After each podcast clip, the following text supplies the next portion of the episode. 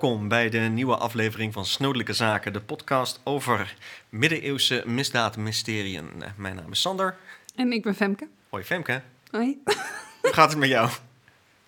Nou, ik moet even een beetje lachen, sorry. Ja, Dat behoeft enige context. Eh, normaal gesproken, als we opnemen, dan eh, lachen we nooit. lachen, we, lachen we ook heel veel. Eh, maar dan horen we de tune. Nu hoorden we de tune ook. Ja, Maar hij werd voor ons gezongen. Dus is een hele, eh, hele speciale bootleg. eh, Ja. wie weet ooit in een eh, blooper-aflevering of zo. ja, precies. Die ineens vervangen is voor deze. Ja. Maar hoe is het met jou? Ja, goed. Ja? Goed. Ik ben druk bezig met de scriptie en ja, verder niet zoveel. Dat behelst je hele leven. dat behelst inderdaad mijn hele leven. Ja, dit en snodelijke zaken natuurlijk. Ja, uiteraard. Ja. Uiteraard. Hoe is het met jou, Femke? Ja, wel goed eigenlijk. Ja. Oké. Ja. We zijn een weekje later. Ja. Sorry. Ja, want het was jouw schuld. Het was mijn schuld, ja. Ik was eh, geveld door een, eh, een, een verkoudheid. Ik moet wel zeggen dat het heerste. Ja, inderdaad. Dus ik hoop Dus het was gelukkig een geloofwaardig excuus. geloofwaardige smoes. Ja. Eh, ja, nou ja, goed. Het, ja, ik kan me voorstellen dat iedereen zich daar wel wat bij kan voorstellen. Dus ik, ik hoop dat niemand geleden heeft onder het feit dat we nu een weekje later zijn. Nee, ik zag wel heel leuk onder de vraag dat veel mensen antwoorden met wat hun favoriete Ja. eh, aflevering was. Ook heel leuk om te zien. Ja. Ja. En dat het ook zo uiteenliep. ja, precies. Ja. al zaten er wel inderdaad veel eh, tussen die ook bij mij hoog scoren, moet ik zeggen. Ja. Dus eh, ja. Nou, het is wel grappig, want één iemand noemde aflevering 13 uit mijn hoofd. Dat is over de Vlaardingse toiletmoord. ja. En als ik kijk naar de luistercijfers, dan is dat eigenlijk ons slechtst beluisterde aflevering. Dus ik was wel eh, gefascineerd daardoor. ja. Als in, dat is toch blijkbaar ook bij iemand een favoriet, maar ook bij heel veel mensen. Nou ja, of, of resoneert de titel dan niet, weet ik eigenlijk Ja, niet. misschien zijn mensen afgeschrokken. Dat zou zomaar kunnen. Terwijl het wel echt een goed verhaal is. Ja, precies. Ja. ja. Maar goed, vandaag hebben we een nieuw verhaal. Een nieuw verhaal, inderdaad. We hebben ook nog, en ik dacht, ik wil daar toch eventjes bij stilstaan, wat verdrietig nieuws uit de middeleeuwenwereld. Eh namelijk eh, Peter Hoppenbrouwers, eh, Ja. een nou, professor, die is vorige maand overleden. En ja, ik, ik had geen, ik ken hem niet persoonlijk, maar ik ken hem als een van vele studenten. Dus het is toch wel een, een gemis. Jij kent hem vooral, denk ik, als de auteur van Eeuwen des Onderscheids. Zeker. Samen met Wim Blokmans, Ja. het, het handboek. Eh, een goed handboek als je iets wil lezen over de middeleeuwen. Ja, Niet een goed boek, denk ik, om van begin tot eind te lezen. Je wil hem in de kast hebben en af en toe pakken om misschien een hoofdstuk te lezen. Eh, die kan je altijd wel vinden trouwens bij de slechte, want het is een verplicht boek voor eerstejaars. Dus ook de eerstejaars die niks van middeleeuwen willen weten. ja, dus dat boek gaat er ook heel, heel snel weer uit. Ja. Ehm, ander, eh, ja, wat wel leuk is, Peter Hoppenbrouwers, zijn laatste boek komt nog uit. En dat komt uit vandaag, op de 24e. Oh. Eh, en dat heet Stormruiters, steppenrijken in Eurasië. eh, over een periode van 500 voor Christus tot eh, 1700 na Christus. Dat is een fascinatie die hij, eh, nou ja, volgens mij een, een tien jaar geleden heeft, eh, eh, had eh, opgepikt. Over dus het, eh, ja, de geschiedenis van de, de nomaden op de Eurasische steppen. Mhm. Uh, en vooral ook omdat dit is een, een, een, een- ja, toch een samenleving die we vaak zien als soort van bestaand op de periferie. Niet zo belangrijk, primitieve levensstijl, et cetera. Uh, maar hij heeft toch laten zien, tenminste ik heb wat colleges hierover gevolgd bij hem. Dit zijn wel de rijken die dus de omliggende sedentaire rijken beïnvloeden. Mhm. We kennen allemaal natuurlijk het verhaal van de, van de Hunen die het Romeinse Rijk binnenvallen. Uh, de Mongolen die uh, uh, het opnemen uiteindelijk in, in Hongarije tegen het, het koninkrijk daar. En er is een hele lange geschiedenis van eigenlijk de wisselwerking tussen die steppenrijken en China. Dus ik ben daar eigenlijk wel heel erg benieuwd naar. Uh, het komt uit bij uitgeverij Prometheus. Dus mocht je dat wat interessant, mocht dat interessant lijken, kijk vooral. En we moeten hem ook nog, denk ik, voor een Snodelijke Zaken aflevering bedanken. Namelijk de aflevering 14 van Willem de Schurftige. Dat is een, die was gebaseerd op een boekje van Robert Bartlett. En ik ken dat namens, of ik ken dat door Hoppenbrouwers. Want die gaf een college uiteindelijk over het werk van Bartlett. En die kwam toen met dat boekje aan. Zo van, ja, dit is echt interessant. Het is een, hele specifieke zaak die dan helemaal wordt uitgezocht. hij was er heel erg over te spreken. En dat is me toen bijgebleven. En daar hebben we toen een aflevering aan gewijd. Um, dus wat dat betreft bedankt. En er is trouwens ook nog ander middeleeuws uh, misdaadnieuws. Misdaadnieuws? Misdaadnieuws, ja. er zijn ook een aantal mensen die ons hierover geschreven hebben. Dus dat is wel grappig dat het blijft leven. Eh, er is al jaren een onderzoek gaande in het Verenigd Koninkrijk. en dat heet de Medieval Murder Map. En dat is Oh ja. laatst gelanceerd. Dus dat gaat over... Ze hebben een soort kaart gemaakt waarbij ehm, voor drie steden... York, Londen en Oxford, denk ik... weet ik even niet uit mijn hoofd zeker... eh, um, ja, moorden in kaart zijn gebracht. Dan kun je ze aanklikken en dan krijg je een stukje context over wat daar Ja, is ja, ja. gebeurd. En ik denk dat het leuk is als wij daar ook eens naar gaan kijken. Want Vaak zijn de bronnen die ze gebruiken te kort om daar een hele zaak omheen te bouwen. Ja, Eh, maar er zijn geloof ik wel een aantal wat uitgebreider. Oké. En ze hebben daar in Engeland, meen ik, ook een podcast over gemaakt. Leuk. Ja, ik heb wel eens gekeken naar die, die murder map van Londen. Ja, want dat, die, daar eh, begon het mee. ja, die, die staat toch ook al wel, denk ik, een jaar of twee online. Ja. Maar nu is die dus uitgebreid. Oké. Ja. Erg benieuwd. We gaan wel even een, eh, een linkje plaatsen. Zeker. Eh, dan is het denk ik nu wel tijd om te gaan beginnen. Ja. We gaan naar de 15e eeuw en we gaan naar Holland. Het is eh, 27 september 1480 in het stadje Naarden. Het is vroeg in de ochtend en de stadspoorten zijn net geopend. Direct nadat de poorten opengingen, trok een kleine stoet gewapende mannen de stad binnen. Aan hun kleding kunnen we zien dat een deel van hen uit Den Haag komt. Op de mouwen van hun wollen jassen zien we namelijk met zilverdraad een embleem geborduurd. Het is een vuurslag, het symbool van de Bourgondische dynastie. Met daarachter twee gekruiste pijlen. Het zijn leden van het handboogschuttersgilde van Den Haag. Maar we zien ook een klein groepje boogschutters van elders. Enkele van hen dragen op hun jas de parure, het borduursel zoals dat heet, van het handboogschuttersgilde van Leiden. En er zijn ook schutters aanwezig uit Amsterdam. Aan het hoofd van deze groep staat ene Jan van Rietveld. En deze man is kwaad. Een groep burgers van Naarden verspert hem namelijk de weg. Ze bombarderen hem met kritische vragen. Vragen waar ze overduidelijk geen antwoord op willen, want niemand laat Van Rietveld lang genoeg spreken voordat ze hem in de rede vallen. Deze burgers proberen hem namelijk uit het veld te slaan. Van Rietveld is hier ernstig door getergd. Hij is naar de stad Naarden gekomen met een arrestbevel van het Hof van Holland.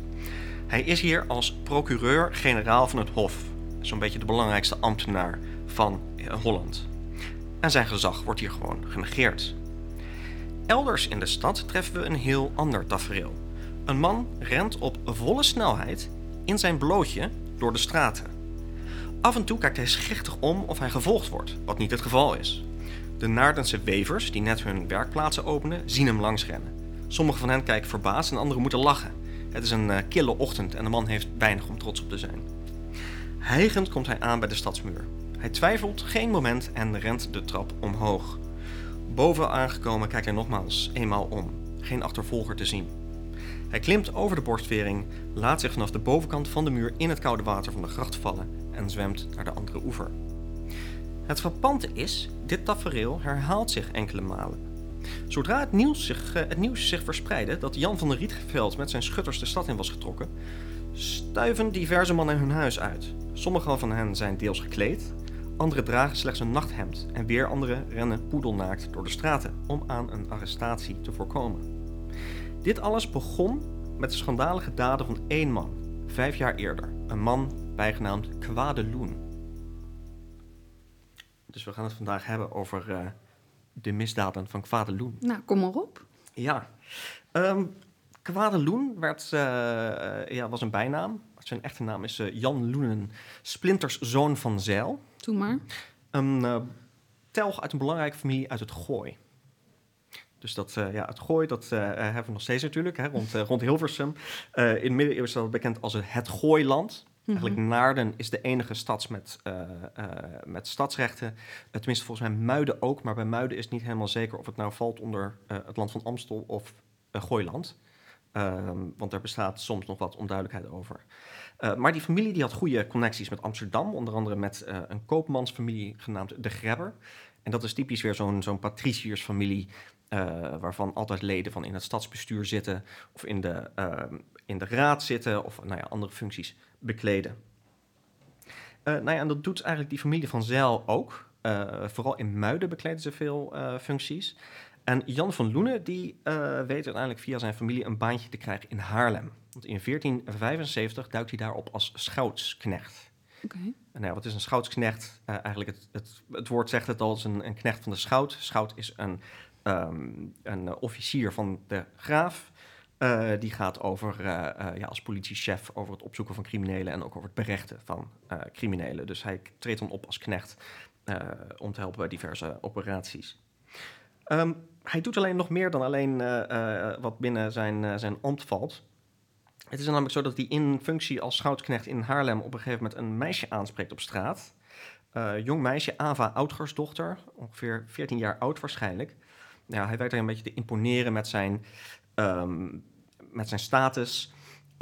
weet haar huis binnen te dringen met het meisje en probeert haar vervolgens aan te randen. Het meisje schreeuwt om hulp. Haar tante was thuis, dus die komt direct eh, eh, eh, de kamer binnen. Jan Verloenen die schrikt en hij slaat op de vlucht. Hij kan eigenlijk binnen no time al gearresteerd worden. En hij wordt gevangen gezet in Den Haag in de gevangenenpoort. En direct, wat zien we? De familie van Zijl, die rijke familie uit, eh, uit Gooiland, die begint te bemiddelen met Den Haag om te zorgen dat hij eigenlijk zo snel mogelijk vrij wordt gelaten zonder dat er een, een rechtszaak aan te pas hoeft te komen. Lijkt niet te lukken. Eh, we zien uiteindelijk wel een, een grappige in bronnen opduiken eh, Splinter van Zijl, eh, Mhm. de broer van deze Jan van Loenen, die aan de gevangenisbewaarder een verzoek doet. En dat verzoeksbewaard, wat hij aan hem vroeg geschreven is, Martin, de, de, de naam van de gevangenisbewaker, ik bidde u dat ge mijn broeder niet laat verhongeren. Hij is rijk genoeg om zijn kosten te dragen. En dat geeft natuurlijk aan, als je in, dat hebben we eens eerder eh, behandeld, als je gevangen zit in een gevangenis in de middeleeuwen, dan moet je dus gewoon eh, eh, onderdak be- betalen. Nou ja, het is wel grappig dat je er, dat je er nu over begint. Want twee dagen geleden was ik in de gevangenenpoort. Oh, leuk. Ik wilde daar ook inderdaad... Ja. We liepen er toevallig langs en toen dachten we, nou, laten we er eens heen. ja. Ehm, en daar wordt dat heel goed uitgelegd. Dus je hebt daar een aantal cellen en dat is echt voor de armen. En dan zit je met 14, 15 man op echt een heel klein hokje. Ja. En eh, daar deel je eh, ja, een beetje stro en dat is het dan. ja, precies. Eh, maar er is ook een kamer en die is echt voor rijke mensen. En daar kun je eigenlijk alles eten en drinken wat je maar wil. Je kan het bestellen en ze halen het voor je. Je mag er zelfs, als je je goed eh, gedraagt, blijkbaar eh, even uit. Even een Ja. maken, dat is oké. Je mag je dienster eh, laten komen om het schoon te maken. Maar je betaalt wel. Ja, inderdaad. Ja. Dus je zit er niet gratis. Het is eigenlijk een soort heel duur hotel. Ja, inderdaad. Ja, we hebben hier eerder, volgens mij ook wel in, eh, in, in een zaak in, in Londen, eh, hebben we het hierover gehad. Daar zit ook zo'n, eh, de, de, de Fleet eh, eh, Prison. En die, die fungeerde eigenlijk op dezelfde manier. Hè? Ook inderdaad een onderverdieping waar de armen zaten en eh, rijkere mensen boven die het eigenlijk wel, eh, wel goed toeven hadden. Ja, Eh, wat je ook vaak ziet is dat mensen die daar zaten, dat, dat, eh, dat die schulden hadden. En dus vast werden gezet eigenlijk als een, eh, ja, om ze te overtuigen om die dus eindelijk te gaan betalen. Mhm. Uh, maar in deze situatie wordt dus ook iemand die van aanranding uh, of poging tot aanranding is aangeklaagd, wordt daar uh, in vastgezet. Wat wel belangrijk is trouwens, de, dat wilde ik eigenlijk nog in mijn inleiding melden, maar ik denk eigenlijk dat het beter is om daar aan het eind op terug te komen. Ik baseer deze zaak op een paragraaf in een boek, uh, namelijk van Corine uh, Glaudemans, Om die wraken willen. Dat is een proefschrift uit 2003. Uh, supergaaf boek. Uh, maar ik heb dit is meestal voor onze zaken doen we onderzoek naar uh, nou ja, soms meer literatuur of we duiken mm -hmm. de, de, primaire bronnen in. En ik heb deze zaak eigenlijk bijna volledig kunnen overnemen uit haar boek, omdat ze hem gewoon zo volledig en mooi beschrijft. Maar er moet natuurlijk wel de credit naar haar toe gaan. Ook nog iets anders wat ik tegenkwam over die gevangenpoort. Ik zat een beetje te bladeren eerder in de administratie van de graaf. Uh, en er zijn een aantal situaties in de vroege 15e eeuw waarin, er, waarin die gevangenenpoort eigenlijk in opspraak raakt, omdat er gevangenen zijn overleden. Uh, ik kwam daar twee zaken van tegen, mogelijk drie. Alleen de derde week niet helemaal zeker meer of dat nou inderdaad in deze serie bronnen was. Maar dat is een verhaal van, van gevangenen die aardewerken, aardewerk hebben gebroken om met de scherven hun keel door te snijden. Oh, dat is heftig. Ja, en ik vind dat een, eigenlijk best wel een bizar verhaal. Want het lijkt me met een potscherf toch best wel lastig. Nou doen suicidale mensen soms hele, hele gekke dingen natuurlijk, helaas. Um, maar ik vraag me dus ook heel erg af of dit niet een, uh, een verdoezeling is van wat misdrijven van de gevangenisbewaarder. Uh, hmm. Dus misschien dat we daar ook nog eens, uh, eens in moeten duiken.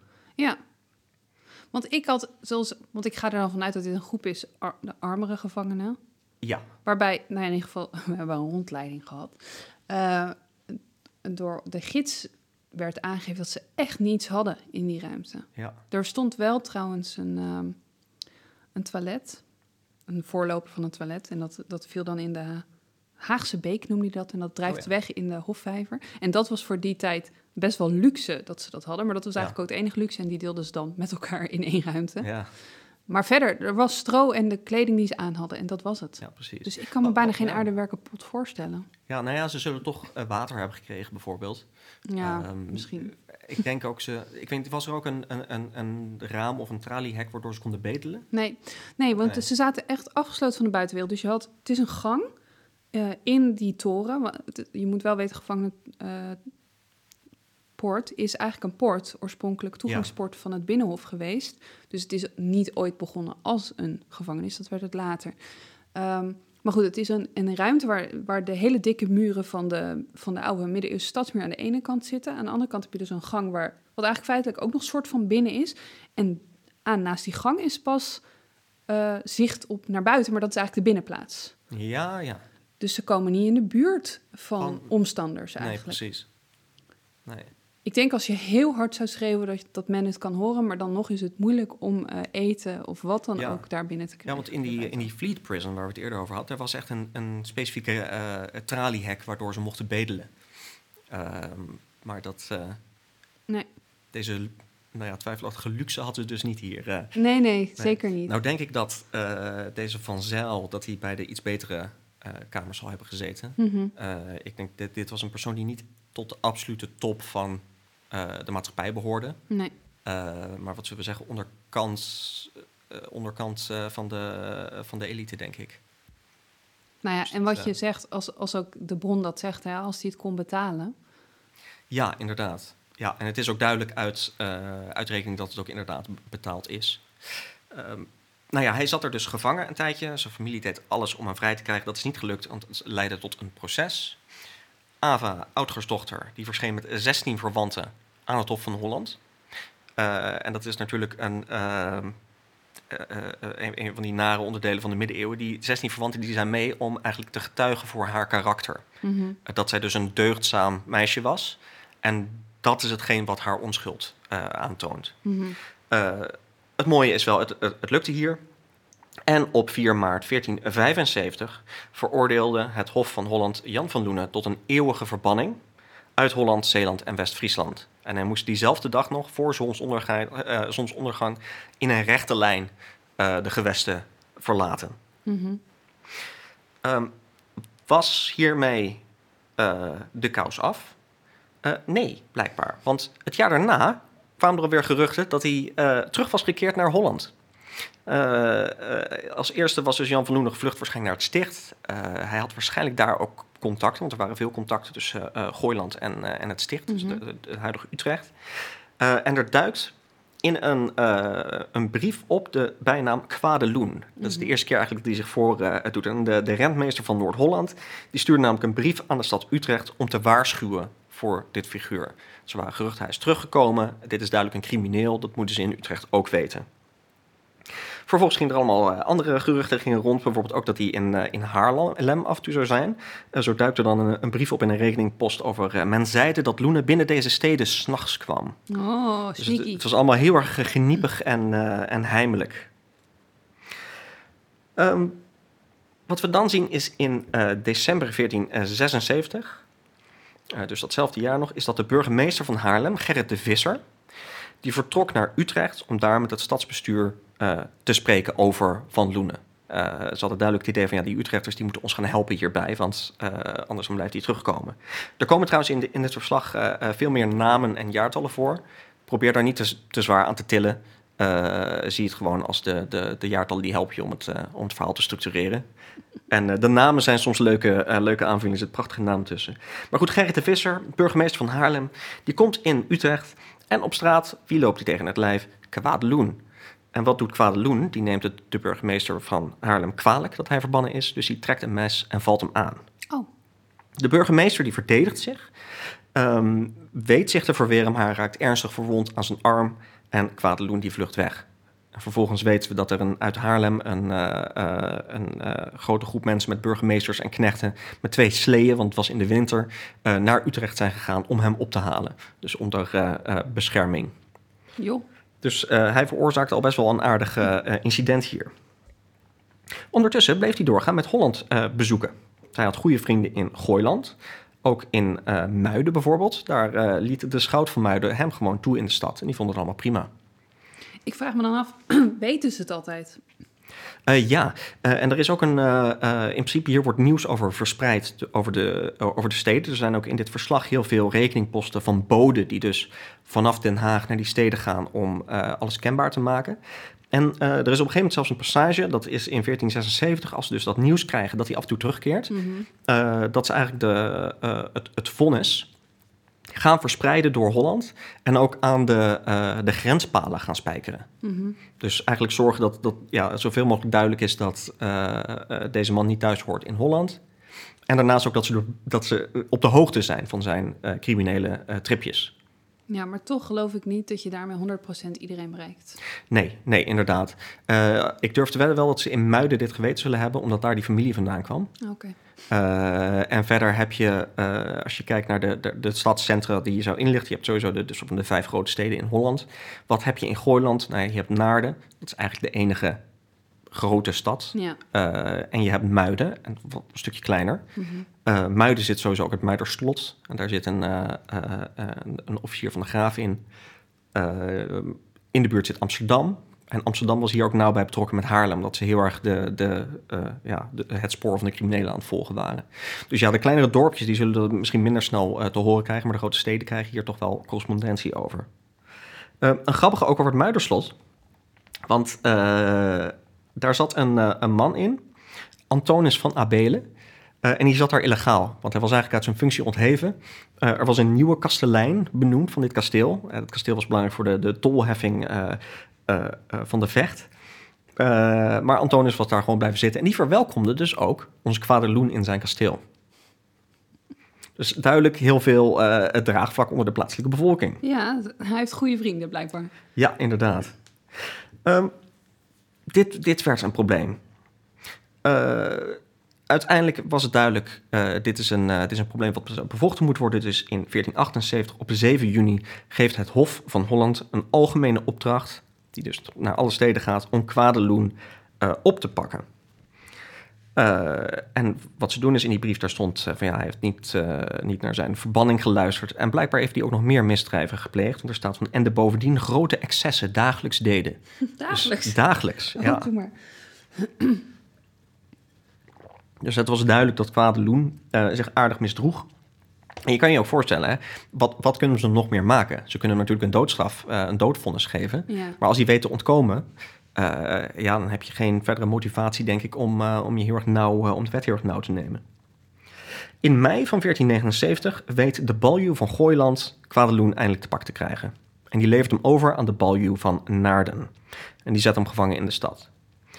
vervolgens vraagt Haarlem, waar natuurlijk het originele, de poging tot aanranding plaatsvond, die vraagt aan het Hof van Holland van ja, mogen wij hem alsjeblieft hebben en hier onthoofden, want dat is belangrijk voor ons. Wordt niet gedaan, niet duidelijk waarom. En er wordt besloten van ja, dat vonnis gaat in Naarden worden voltrokken. Ondertussen zit daar natuurlijk de familie en de vrienden, de magen, zoals het in de middeleeuwen vaak genoemd wordt, van Kwadeloen. Die zitten in Muiden in de buurt en hij heeft blijkbaar ook vrienden in Naarden.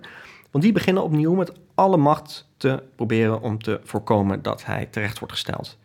En dit keer gaan ze verder dan alleen klachten indienen en uh, proberen procedures te starten. Want ze beginnen burgemeesters te uh, bedreigen, rechters te bedreigen. Oh, echt een goede manier, ja. Ja, echt. En uh, blijkbaar is er ook geweld gepleegd. Het is helaas niet meer duidelijk in die bronnen wat ze dan precies hebben gedaan. Maar het is duidelijk dat die, dus ze zijn echt onrust aan het stoken. Mm -hmm.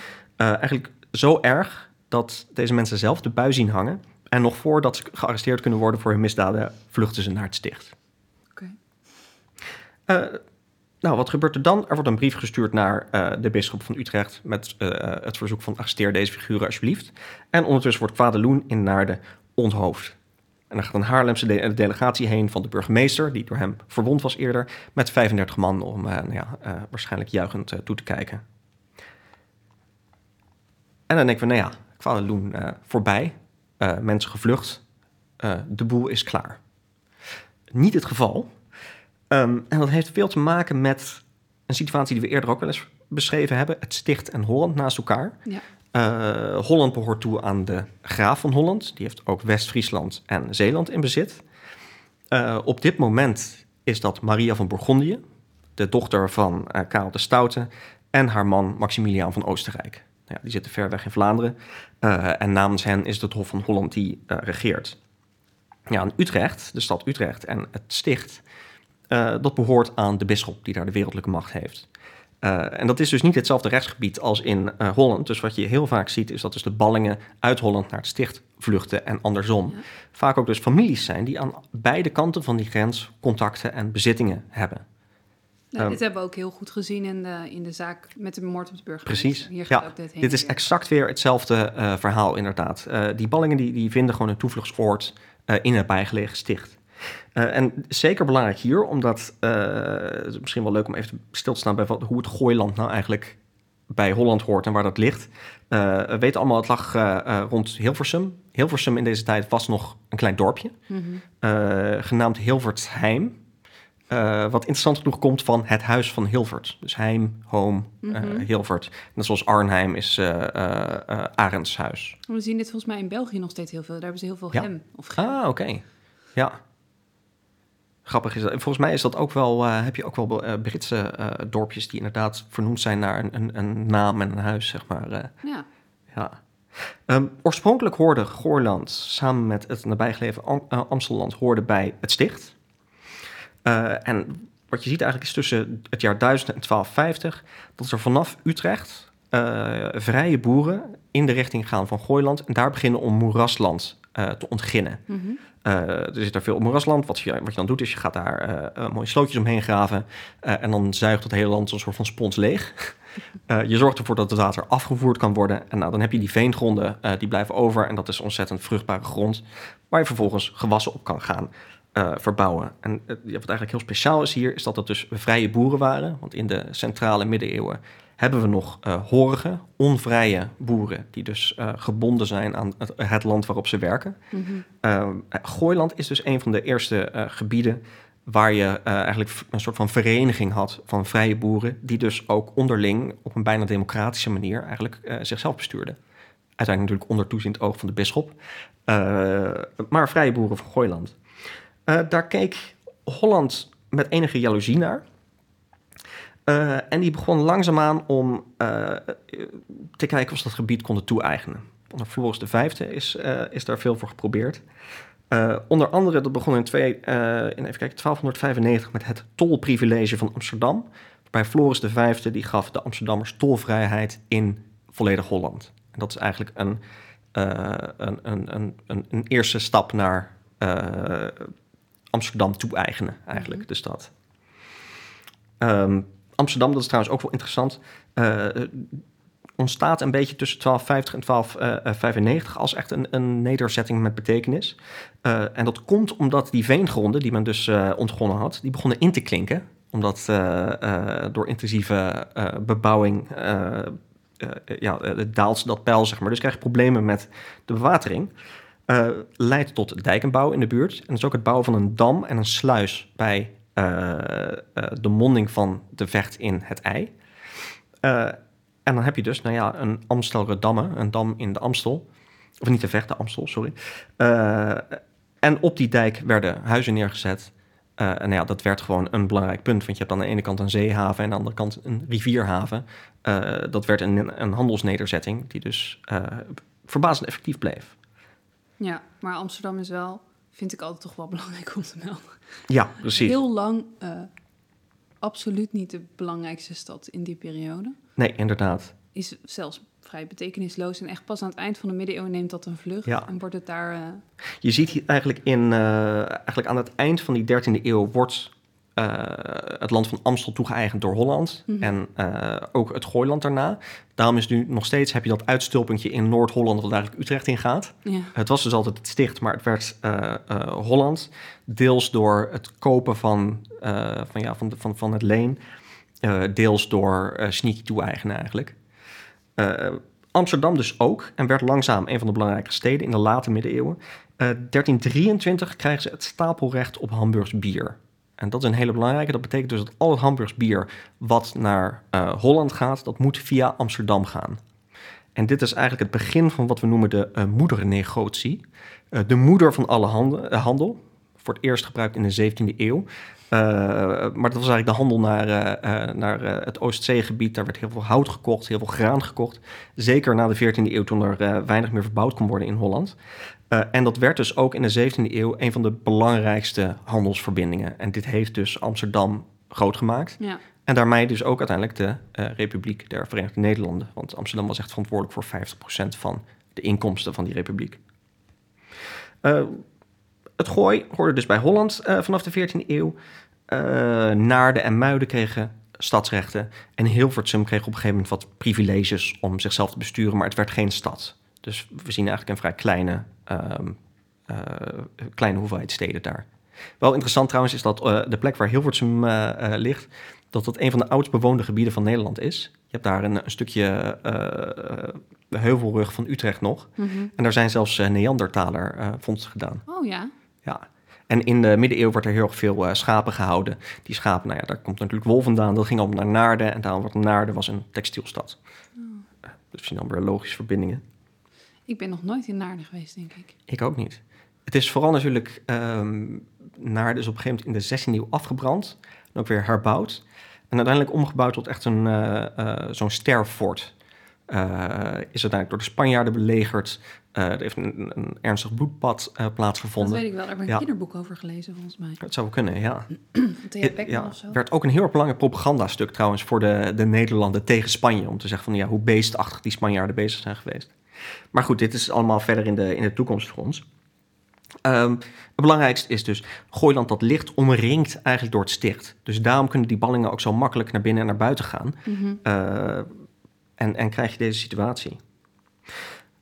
Uh, even recapituleren. In 1479 in mei wordt Jan van Loenen onthoofd. Uh, een grappig is wat daarna gebeurde, is dat uh, Martin Hogendans, de gevangenenbewaker van uh, de gevangenenpoort, nog naar zijn broer een rekening stuurde van de, de kosten die hij dus wel zou kunnen betalen. En dat daar uiteindelijk ook nog een rechtszaak over gestart werd, oh, ja? omdat de broer Splinter van Zeil niet wilde betalen. Stond nog wat open. ja, oh. precies. Uh, verder, nou ja, de rentmeester van het Hof die gaat natuurlijk naar het Gooiland om, uh, om de bezittingen van, uh, van onze kwade loen te, te, in te kapen. En de boel lijkt hersteld te zijn. Maar wat gebeurt er? In juni van 1479 is Matthäus Gijsbrechtszoon, burgemeester van Naarden, is met een schip onderweg, mogelijk naar Amsterdam. In ieder geval vaart hij in het ei. Daar wordt hij opgewacht door een ander schip.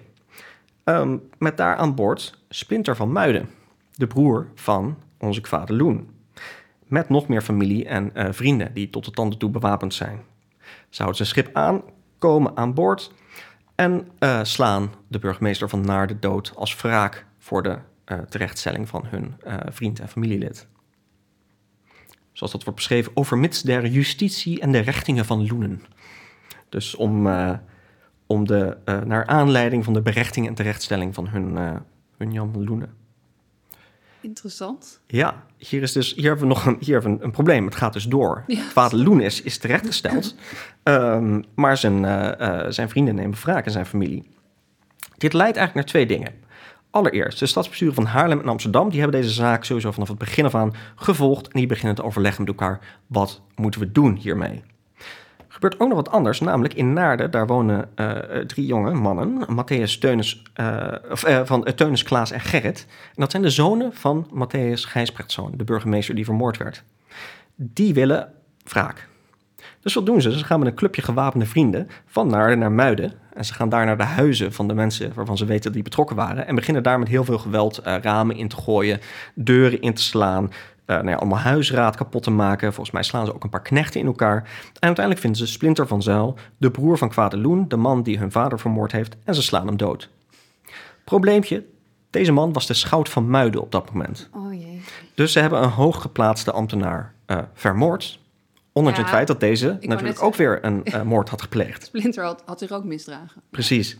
Uh, wat we nu eigenlijk zien is dus de vorming van twee uh, facties. Enerzijds hebben we de familie en de vrienden van Kwadeloen, die dus eerst geleid werden door Splinter van Muiden, Mhm. de schout van Muiden, die uh, nu vermoord werd. Door aan de andere kant de familie en de vrienden van Matthäus Gijsbrechtszoon, uh, Teunis, Klaas en Gerrit. Het begin van een vendetta.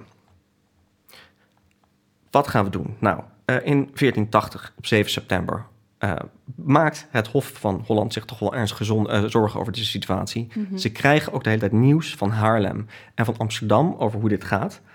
Um, en er wordt een, uh, een onderzoek eigenlijk ingesteld naar de moordenaars van eigenlijk beide situaties. En Jan van Rietveld, de naam die we kennen uit de anekdote aan het begin van deze aflevering, de procureur-generaal van het Hof van Holland, die gaat naar het Gooiland om daar onderzoek te doen. En het mooie is, hier wordt ook vermeld in een rekening uh, dat, er, uh, uh, dat hij niet alleen op zoek is naar dus de moordenaars, maar ook dat er een grote menigte van een getale van de misdaders. Dus er wordt hier gesproken over eigenlijk grote groepen misdadigers die dus blijkbaar ongestoord de vrede kunnen breken. En verder, wat ook heel erg interessant is, is vanuit Den Haag gaan er spionnen naar het Gooiland om zoveel mogelijk informatie op te doen. Wat dus ook aangeeft dat eigenlijk het Hof van Holland niet vertrouwt op hun gebruikelijke communicatiekanalen, omdat die uh, ja, misschien verbonden zijn aan de, aan de facties. En hoe weten we dit, spionnen? Spionnen, uh, nou die staan in rekeningen. Dat is ook het interessante. Uh, deze hele zaak is eigenlijk opgebouwd uit rekeningposten. Ja. door, ik noemde de naam al, Corine Glaudemans. heeft ernaar gekeken en het zijn hele mooie posten. Ik zal ook bij de, de beelden en bewijzingen wel even een, een, een scan daarvan laten zien. daar wordt dan bijvoorbeeld gewoon verteld van, nou, Dirk Arnszoon, gezworen bode van het Hof, die wordt gestuurd naar Muiden, Weesp en Apkoude en verder om informatie te gaan inwinnen over verblijfplaatsen. En er zijn dus meer van dat soort posten van dus de, de, de personen. En dat gaat dan om uh, een gezworen bode. Dus dat is een, een, een, nou ja, een boodschapper die uh, in principe een eed van trouw heeft gezworen. En dus uh, als belangrijk en betrouwbaar wordt geacht. Um, daar komt informatie uit voort. En uh, 26 september van 1480 gaat Jan van Rietveld, onze procureur-generaal, opnieuw naar Gooiland. Nu met een arrestatiebevel van de stadhouder om in Muiden uh, alle betrokkenen van de moordaanslag op Matthäus Gijsbrechtszoon, de burgemeester, te gaan arresteren. Hij wordt vergezeld door zijn uh, klerk, geweldig naam Hallink Okkerszoon.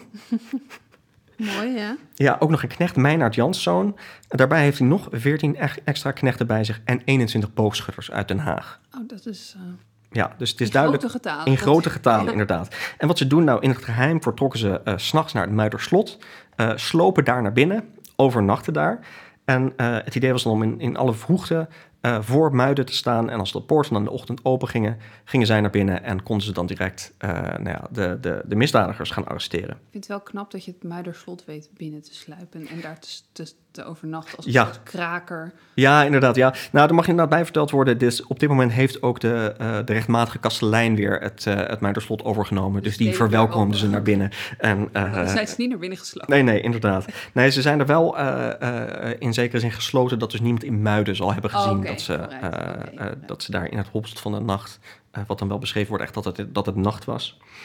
Um, het probleem was, uh, dat sluipen was niet helemaal gelukt. Oh, dus het was toch gezien. het was toch gezien, Oh shit. ondanks alle, alle moeite.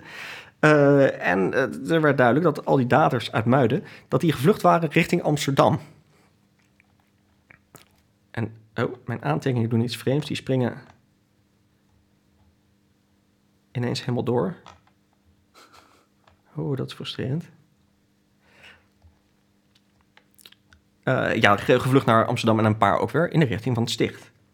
De volgende dag, 27 september, dacht, de, uh, dacht Jan van Rietveld, van, nou, dan gaan we dus naar Naarden, want we weten dat daar ook nog overvallers zitten. Onder andere ook overvallers die Splinter van Zeil, Splinter van Muiden vermoord hebben in wraak. wat hij wel deed, is hier extra versterking voor oproepen. Dus uit Leiden, Amsterdam en ook uit Gooiland kreeg hij 27 extra helpers. Oké. Uh, en dit is ook waarom ik in de, de introductie het had over de, uh, het geborduurde embleem op de mouw. Dat daar dus schutters waren uit uh, Den Haag, uit Leiden en uit Amsterdam. Dan moet ik zeggen, ik weet niet heel erg zeker of de schutters uit Den Haag... of die die vuurslag als symbool hadden. Dat kwam wel veel voor in de, in de tijd van die schuttersschilden. Die werden op een gegeven moment vanaf de 14e eeuw opgericht over, over heel Holland. En in de 15e eeuw werden die heel erg sterk verbonden aan de landsheer. Dus dit waren een soort van de speciale uh, clubs die nou ja, een officier gebruikt als bodyguard. Mm -hmm. uh, en die droegen dan heel erg tof hun, uh, hun embleem op de mouw. ze vertrokken met deze nieuwe bende naar Naarden. stonden voor de poort. De poort ging in de ochtend open. Ze gingen direct naar binnen en lieten alle andere poorten sluiten. En het doel was eigenlijk dat een, uh, een deel direct op zoek zou gaan naar uh, de daders en de rest een, een soort van de, de bevolking onder bedwang zou houden. Dat lukte niet helemaal, want die krijgt kwam er een, grote menigte boze burgers bij elkaar. Die versperden de weg. Hier hebben we die situatie uit de anekdote. Uh, de schutters en Jan van Rietveld worden tegengehouden.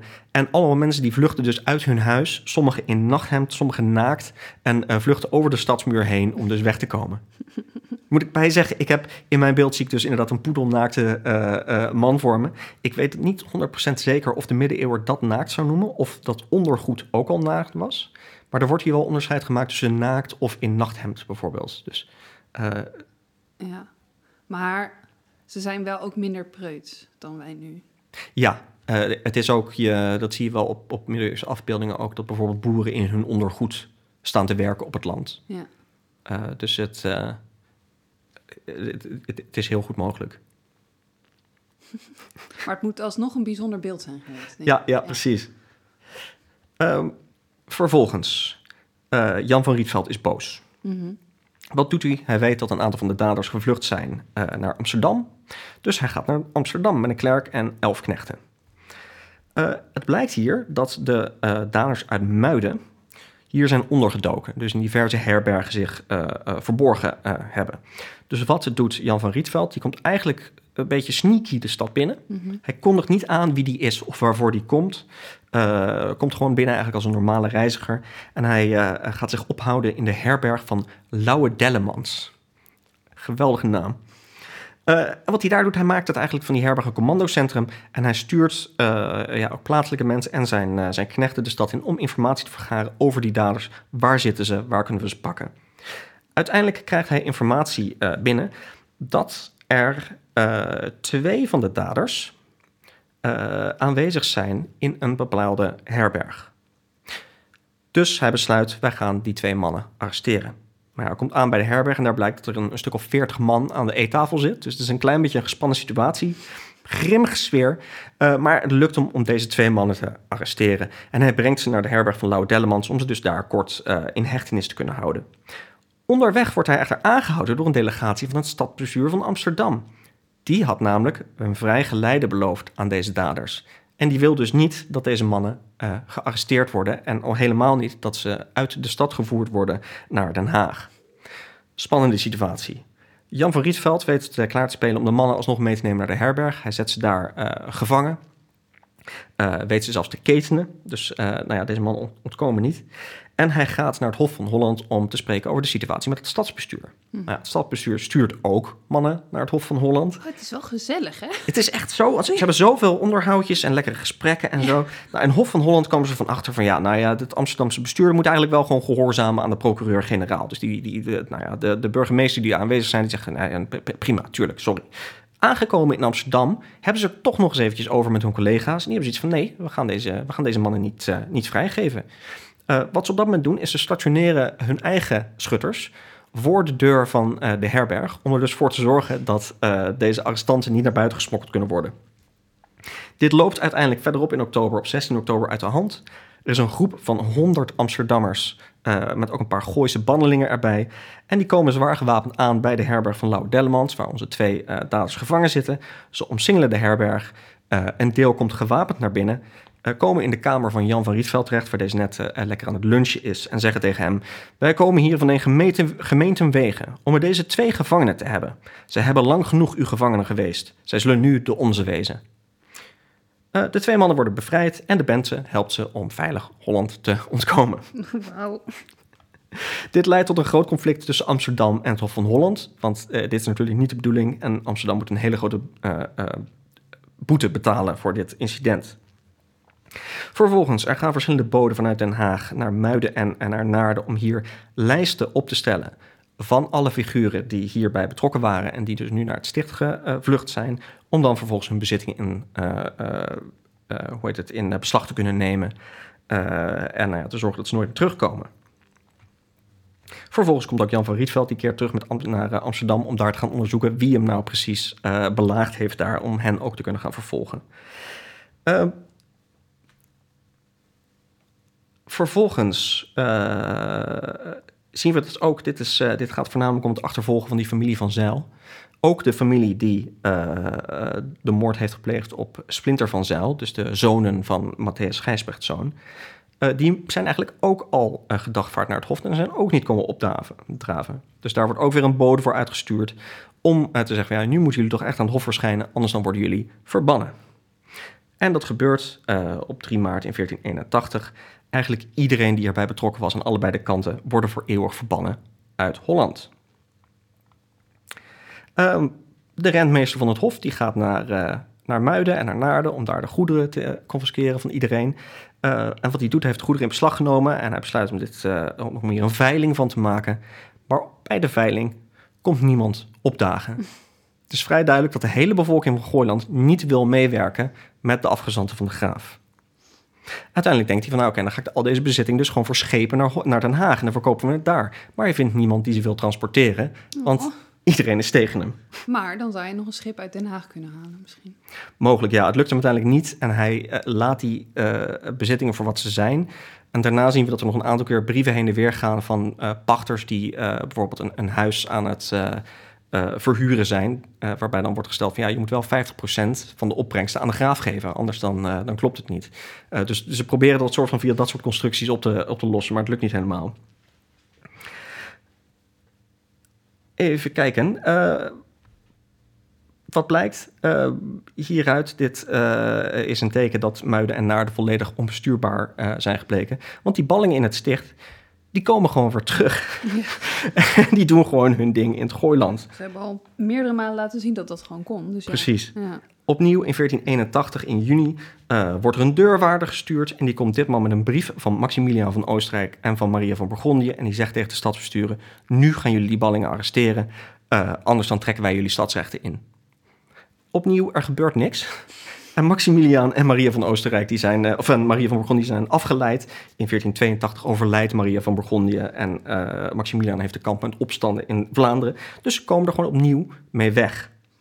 Totdat er in 1487, op Goede Vrijdag, tijdlang niks meer gehoord van deze hele kwestie.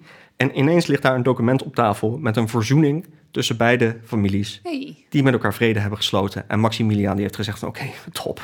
Fijn, niet meer mijn probleem. Ja. ja. Uh, en dan is natuurlijk de vraag van ja, hoe kon dit zo, zo dusdanig escaleren? Ja. Uh, en dat ligt voor een deel natuurlijk aan de middeleeuwen. Aan het idee dat, er, dat mensen wraak gaan nemen. Mm -hmm. Dat er ook, uh, ondanks het feit dat regeringen het er niet zo mee eens zijn... dat, dat wraak nemen soort van half legitiem is dat je je eer mag wreken, dat je de dood van een familielid mag wreken. Um, maar men probeert dat altijd toch anders uh, uh, te regelen. Uh, wat nu heel erg meespeelde, is dat rond deze tijd er een chaos is in Holland. Hier hebben we het eerder over gehad in de aflevering over het, het beleg van Leiden. Mm -hmm. In 1481 is dat. Uh, de, uh, we weten bijvoorbeeld dat in, in 1477 is Karel de Stoute overleden. Toen ontstond daar een machtsvacuum daarna. Uh, Maria van Bourgondië die erfde zijn landen, maar diverse steden maakten zich eigenlijk een beetje onafhankelijk. en wat zien we, de Hoekse en Kabeljauwse twisten laaien weer op. Dus al die steden die hadden enorme moeite eigenlijk om het normale bestuur waar te nemen. En dit is dus ook een reden waarom die steden Muiden en Naarden ermee weg konden komen om gewoon hun landsheer niet te gehoorzamen. Ja. En we hebben ook gezien nou ja, met Leiden, met ook dus de ballingen in een sticht gaan zitten en weer terugkomen. Uh, en eigenlijk er wordt pas orde op zaken gesteld aan het eind van de jaren tachtig, uh, wanneer uh, Maximiliaan een stevige grip krijgt op, op de lage landen. Dus dit, het eindigt eigenlijk een beetje in een, in een anticlimax. Ineens is er vrede.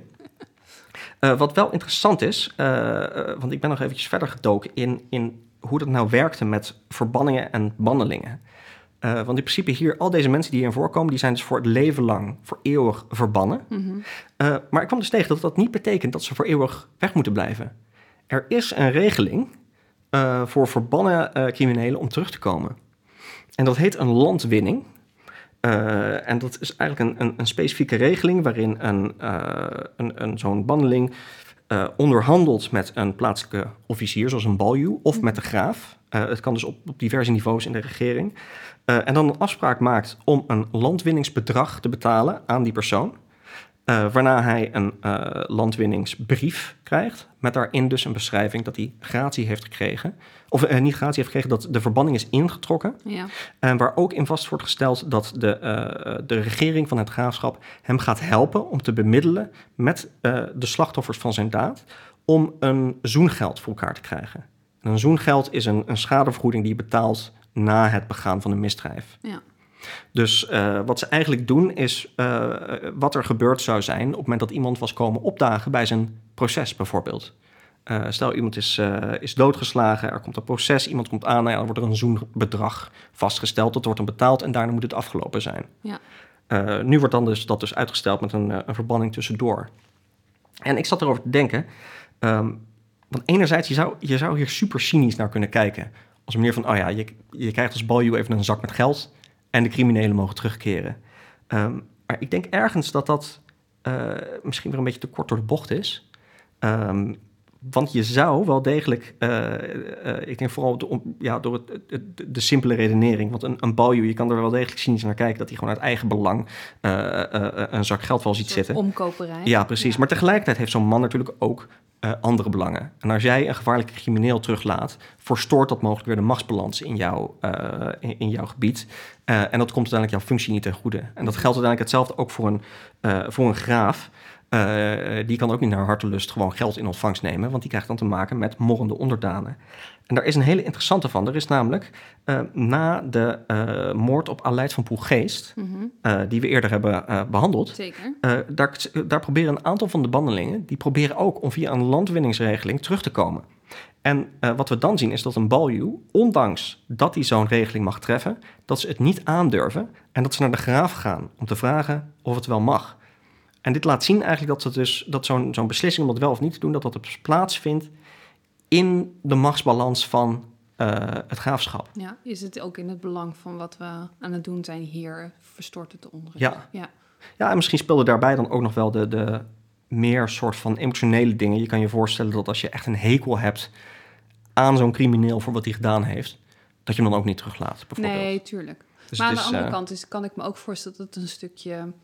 ehm, wat we tegenwoordig ook nog hebben, hè? bij goed gedrag, dat er een strafvermindering is. Of dat Ja. je eerder vrij kan komen. Ja, Ik zou het niet raar vinden dat vanuit die brede natie je denkt... nou, eh, iemand heeft de kans om ja, om Ja. weer terug in onze maatschappij... in deze kleinere samenleving in de vorm van een graafschap... of ja, wat dan ook, eh, terug te keren. ja. ja, je ziet natuurlijk vaker hè, dat er inderdaad vergeving, verzoening Precies. plaatsvindt. Ja, Eh, iets wat dus kwade Jan, vrij kwade Loen, duidelijk niet gelukt is.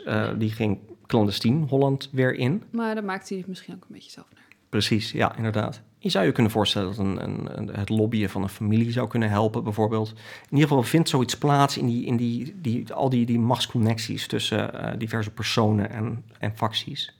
Ja, maar als hij dus gewoon, weet je wel, want eerst dacht ik nog, nou, klinkt best goed en hij heeft geld, dus hij kan lekker in die gevangenenpoort eh, ehm, een, een luxe kamer en dan, eh, nou ja, dan zit hij zijn straf uit en dan misschien dat zijn familie was gaan lobbyen voor, hè, hij bedoelt het allemaal niet zo Ja. lullig, mag hij misschien na een paar jaar terugkomen. Maar ja, als je gaat misdragen daarna, Ja, precies. ja, dan is het snel klaar. Ja, en eh, wat, wat ook wel meespeelt natuurlijk, is dit is een van de situaties waarin eh, een poging tot aanranding bestraft wordt, eh, bestraft werd zoals het officieel de bedoeling was Ja, in de dat gebeurt niet vaak, nee. Nee, we zien heel vaak dat het, omdat het, wat ze gaan bevragen uiteindelijk is de reputatie van het slachtoffer. Ja. Ehm, dat is in dit geval ook gebeurd. Eh, maar eh, is goed genoeg verdedigd. En de man heeft de straf gekregen die hij volgens het middeleeuwse denken verdiende. Mhm. Ja. Wat ik nog afvroeg, hè, waarom komt er vrede? Weten we dat? Uh, dat heeft waarschijnlijk te maken, uh, dat weten we niet precies, maar waarschijnlijk heeft dat te maken met gewoon de situatie in uh, Gooiland. Ja. dat, de, dat de familie zelf in een soort van padstelling terecht zijn gekomen.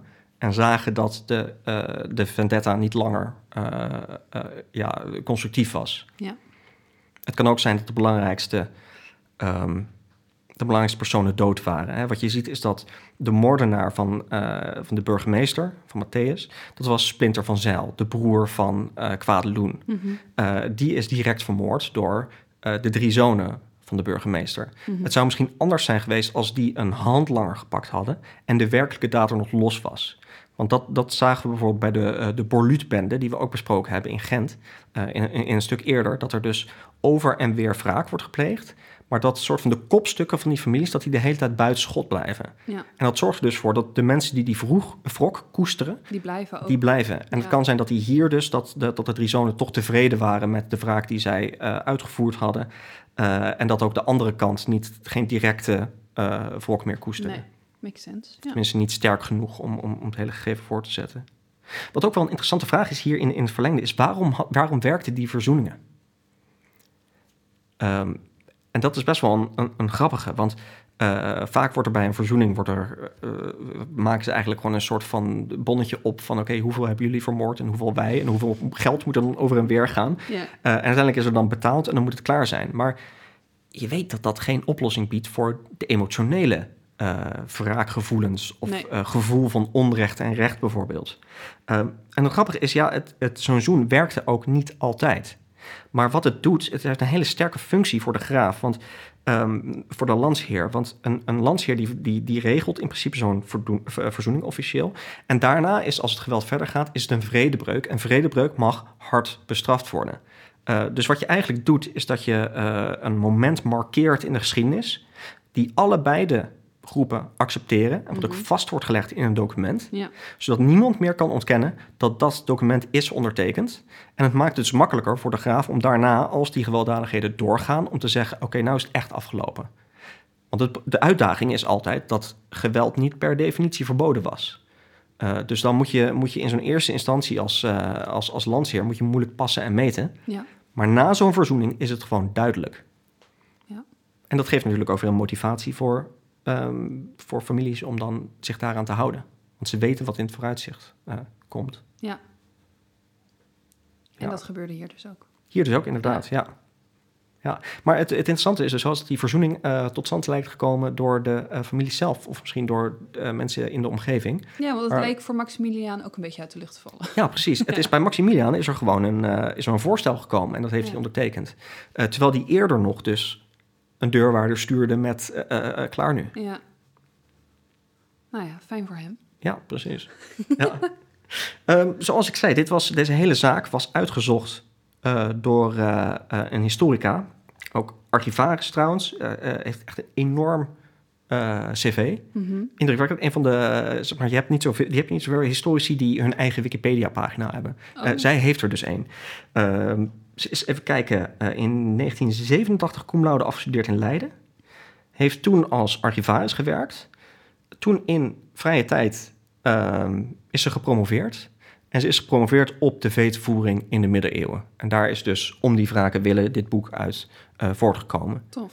Ook eh, interessant gezien de, de, in de, in de, hoe heet het, de inleiding in het nieuws van Peter Hoppenbrouwers. Peter Hoppenbrouwers was eh, lid van de promotiecommissie. Hey. Eh, en Wim Blokmans, eh, waarmee hij samen Eeuwen des Onderscheids, het handboek heeft geschreven, was de promotor van Corine. Oh, heb je nou de hele cirkel rondgemaakt? De hele cirkel is rond, ja. Wat leuker is, hierna nog, na 2003 ging zij zich specialiseren in de Tweede Wereldoorlog. En vooral in de Joodse gemeenschap in Den Haag. Heeft daarbij heel erg veel werk gedaan om nou ja, uit te zoeken wie er bijvoorbeeld waar ondergedoken Mhm. zat. Wat uiteindelijk ook als, als uitkomst eh, eh, eh, opleverde dat heel veel families dus meer informatie hadden over wat er met hun eh, familieleden eh, was gebeurd in de Tweede Wereldoorlog. Eh, voor dat werk is ze in 2022 tot ridder geslagen, Hey. Orde van Oranje Nassau. Ehm, ze is nu met, eh, eh, met pensioen, maar een, eh, ik denk een enorme bijdrage geleverd aan eh, de geschiedenis. En Tof. ja, heel gaaf, heel Als je indrukwekkend. dus meer over Vetus wil weten, dan om die wraken willen lezen. Ja, inderdaad. Er komt natuurlijk nog een volledige titel, zetten we eventjes bij de... Ja, Dat, eh, dat komt er sowieso bij. Eh, is wel, eh, dat hoorde ik ook al van een luisteraar, het is wel een lastig boek. Mhm. Ehm, ja want we hebben hem al eerder genoemd, toch? We hebben hem eerder genoemd, inderdaad. Ja, ik heb ik, voor de Borluut-kwestie hier en daar ingekeken. Maar het is gewoon een wetenschappelijk werk. Ja. Wat je altijd moet doen met een wetenschappelijk werk is de inleiding gaan lezen en jezelf de vraag stellen: wat wil de auteur? Wat gaat de auteur doen? Zeg maar heel erg schools die vraag stellen. Mhm. Eh, want dat is wat wetenschappelijke literatuur doet. Die is heel erg gericht op gewoon iets gaan doen. Eh, en dan is, het, dan is het beter te begrijpen als je het gaat lezen, omdat je gewoon snapt dat, dat de rest van het boek eh, gehoor geeft aan die vraag. Ja. Ja. Ik denk dat we daarmee plotseling ineens bij een einde van deze aflevering zijn gekomen. Oh, helaas. Nou, zal ik een kleine spoiler geven voor eh, de volgende aflevering? Waar, waar, waar de mensen dan nog twee weken op moeten wachten. Oeh. Maar Maximiliaan speelt daar ook een rol in. Oh, leuk. Dus eh, we gaan nog even door. Dus we zitten weer in die late middeleeuwen. we zitten weer in de late middeleeuwen. Sterker nog, we zitten op het discutabele randje van de middeleeuwen. Oké, kijk. Maar daarmee eh, ja, sluit ik het dan, dan af. Ja, Dat is alles wat ik zeg. oké. Spannend. Ja. Ja. Dus bedankt voor het luisteren voor nu, denk ik. ja, hartelijk dank voor het luisteren. Eh, het was voor ons, zat er weer ook een, een tijd tussen, maar ik heb ook weer genoten om het weer te doen. Dus het is, eh, ik hoop dat eh, eh, de luisteraars dezelfde ervaring hebben. Ja, laat het weten. En, eh, en voor nu, tot de volgende keer. Tot de volgende keer. Vond je dit nou een leuke podcast? Het helpt ons enorm als je onze podcast een recensie of waardering geeft via jouw favoriete podcast-app. Volg ons op social media. Je kunt ons vinden op Facebook en Instagram onder Snodelijke Zaken.